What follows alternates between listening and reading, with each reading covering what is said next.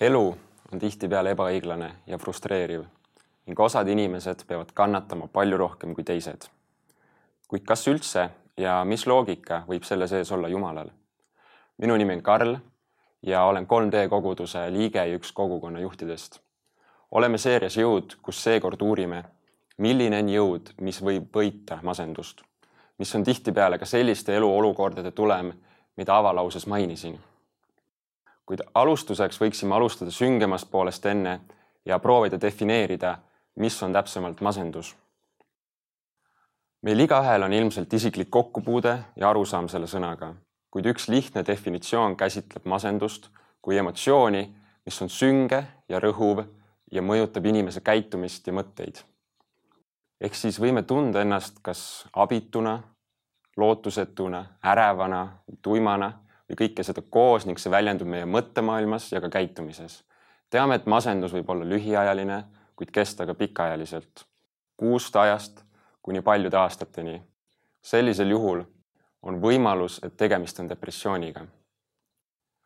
kui mõtleme sellele, miks masendus tekib, siis on väga mitmeid faktoreid, mis võivad mängida oma rolli. näiteks geenid, pere ja kasvukeskkond, väärkohtlemine, haigused suuremad elusündmused, muud isiklikud probleemid ja veel paljud asjad. meie elu on tohutu seoste rägastik, kus väga paljud asjad äh, üksteist mõjutavad ning mille tulemusena oleme kasvanud just sellisteks inimesteks, nagu me praegusel hetkel oleme. see oli väga põgus ülevaade masendusest, mis on oma olemuselt ülimalt kompleksne. kuid äh, sügavamalt sooviksin vaadata ja avada antud teemat piiblivalgel piiblist võime leida mitmeid tegelasi, kes vähemal või rohkemal viisil puutuvad kokku masenduse, elu ebaõigluse ja segasusega. tuntumad neist on näiteks Joosep, Eelia, Hiob ning ka Jeesus ise. lisaks veel paljud Vana Testamendi prohvetid. keskendume täna Eelia ja Jeesuse loole. Eelia oli üks omapärane prohvet Iisraeli rahva keskel kes eh, elas umbes kaks tuhat üheksasada aastat tagasi. Eelia elu oli päris värvikas ning eh, Jumal leba, lubas tema kaudu mitmetel imedel esile tulla ja kõneles ka temaga isiklikult. Eelia kutsus palve peale taevast alla nii issanda tuld kui vihma. ehk siis tänapäevases kristlikus keeles võib öelda, et ta oli vaimulikult päris heas kohas. ometigi võitles ka selline püha mees masenduse või isegi depressiooniga kui Eelia ühes loos põgeneb Iisraeli kuninga ja tema naise eest, siis ühel hetkel kõrbes olles istub ta ühe põõsa alla maha ja soovib oma hinges, et ta võiks surra ja palvetab seda ka Jumala poole. seepeale otsustab ta maha heita ja magama jääda. näeme, et masendus tabab Eeliat sellel hetkel, kui ta jõuvarud on täielikult kulutatud, kus ta on kaotanud oma lootuse ja sihi. natuke tänapäevast heaoluühiskonna konteksti sisse tuues võime öelda, et eel ja elurütmid ja rutiin oli üsna sassis. tal polnud jõudu ega motivatsiooni trenni teha, kvaliteetselt sõpradega aega veeta, hobidega tegeleda, tervislikult toituda ega koguduses käia. vaid ta kondas kuskil kõrbes sihitult ringi, meelt heites ja lootust kaotades kas ei avasta me ennast isegi vahel sellisest kohast?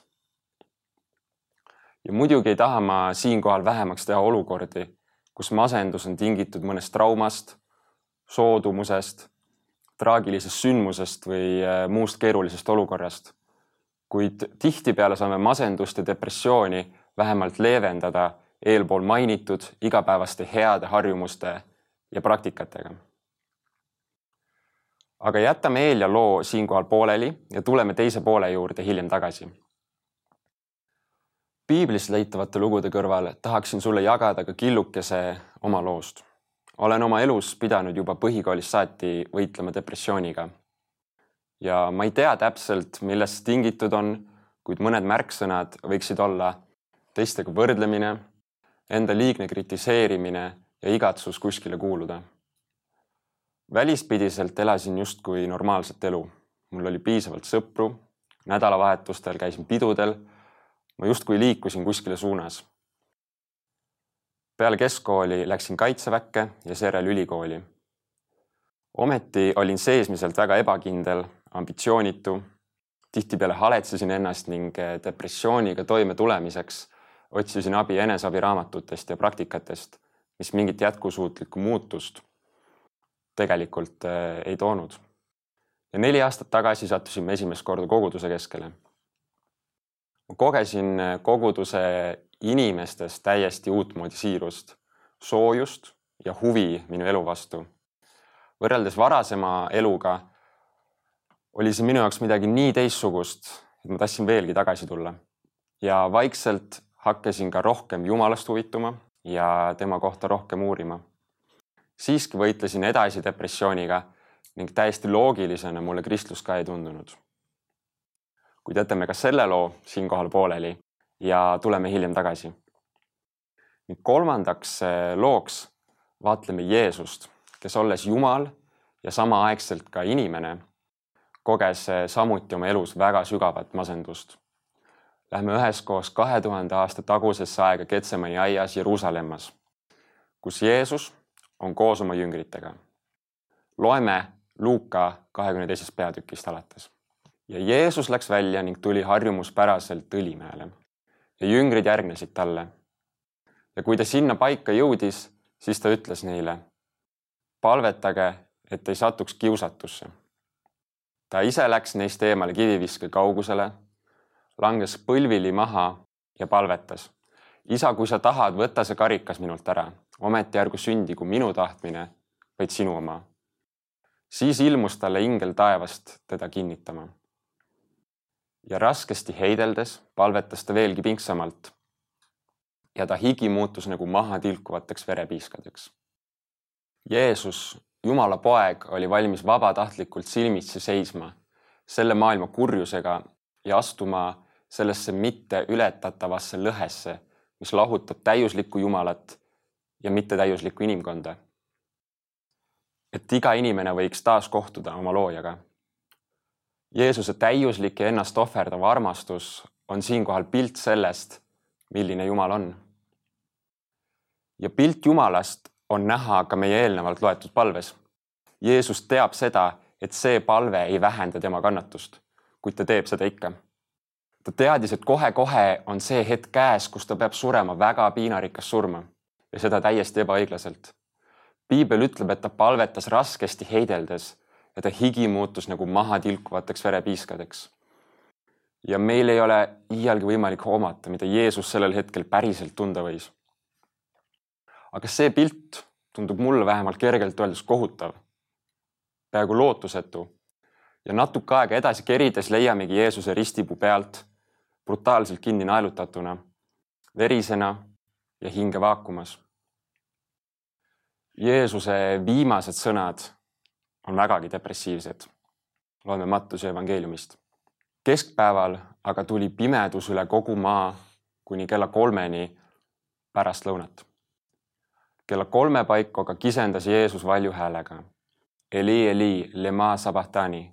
see tähendab mu Jumal, mu Jumal miks sa mu maha jätsid? Jeesus aga, kisendades taas valju häälega, heitis hinge. Jeesus koges inimlikult vägagi reaalselt kõike hõlmavat pimedust ja masendust. ja see annab meile tunnistust sellest, et Jumal läbi Jeesuse teab väga hästi, mida masendus, depressioon, ärevus või paanika ka inimlikus kogemuses tähendab ja seeläbi mõistab ta ka meid meie inimlikkuses. ta teab meie hirme, väljakutseid, segadust ja ahastust. Loeme edasi piiblist, et kolm päeva hiljem peale Jeesuse surma lähevad ta jüngrid vaatama tema hauakambrit ja avastavad, et see on tühi. Jeesuse surnukeha pole seal ning ilmub hoopis üks ingel ja teatab neile, et Jeesus on surnuist üles tõusnud. varsti peale seda kohtuvad jüngrid ka isiklikult üles tõusnud Jeesusega ning lisaks suurele läkitusele minna kõike maailma ja teha jüngreid, julgustab ta neid, öeldes ja vaata, mina olen iga päev teie juures ajastu lõpuni. Jeesus äh, rippus ristil küll füüsiliselt naeltega kinnitatult, kuid veel enam ja eelkõige oli ta sinna kinnitatud armastusega inimeste vastu, minu ja sinu vastu sealhulgas. Jeesuses on ülestõusmise ja armastuse jõud, mis on äh, suurem kui piltlikult öeldes meie rist. Mis iganes masenduses, kannatuses või väljakutsetes meie seal ripume. Jeesus tahab meid sealt alla tuua juba selles elus, kuid lõplikult ja täielikult meie maise elu lõpus. ning läbi püha vaimu on ta iga päev meie juures ajastu lõpuni. Jeesuses on masendust võitev jõud kuid kuidas see jõud praktiliselt võiks välja näha, seda saame nüüd koos lähemalt uurida. aga lähme tagasi Eelia juurde, kes oli kõrbes põõsa all magama heitnud ja oma surma palunud. Eelia ärkab selle peale, et üks ingel puudutab teda ja ütleb, et tõuseks üles ning sööks ja ta avastabki enda kõrvalt sooja söögi ja vett. seejärel heidab ta tagasi magama ning sama asi kordub jälle ingel puudutab teda ja ütleb, et ta sööks, sest tal on veel pikk tee ees. Ja Eelia tõuseb ja sööb ning käib selle söömise rammuga nelikümmend päeva ja ööd Jumala mäe Hoorebini. näeme, et Jumala abi ja jõud on siin loos väga praktiline ja lihtne. ta annab Eeliale puhkust ja toitu siis, kui Eelia enam ise ei suuda ega taha edasi minna. ning lisaks annab Jumal Eeliale uue visiooni sellest, kuhu ta peab minema ning tulles tagasi ka mu enda loo juurde, kus mainisin, et võitlesin depressiooniga jätkuvalt ka koguduse keskel ja Jumalaga koos käies, siis olen märganud eh, Jumala tegutsemist enda elus sarnaselt Eelia loole.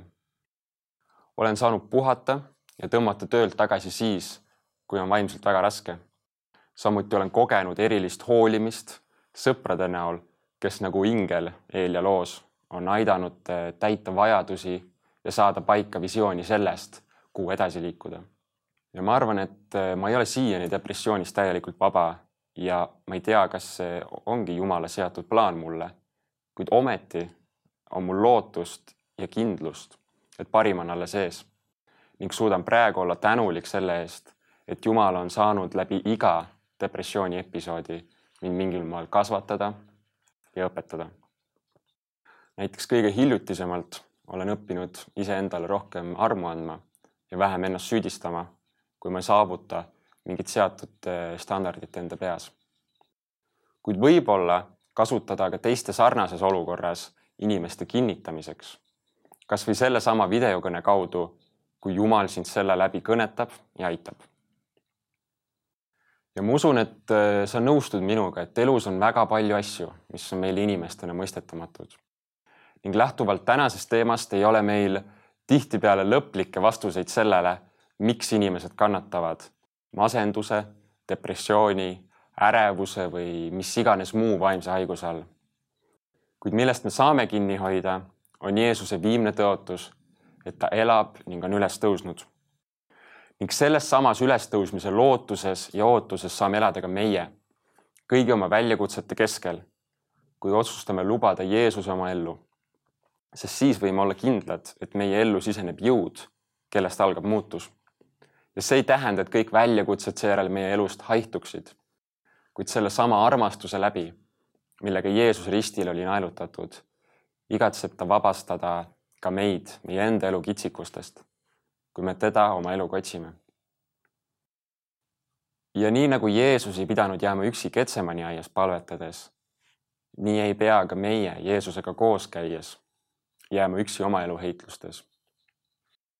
Ja 3D koguduse pere võib olla üks kogemus sellest, nagu ma olen seda ka oma elus näinud. seega on meil täna ja iga päev võimalus otsustada, et võtta see elu, mis meile on antud, kõiges heas ja halvas ning Jumala abiga elada see parimaks võimalikuks. ma tänan teid kuulamast ja järgnevalt soovin teile sisukat aruteluaega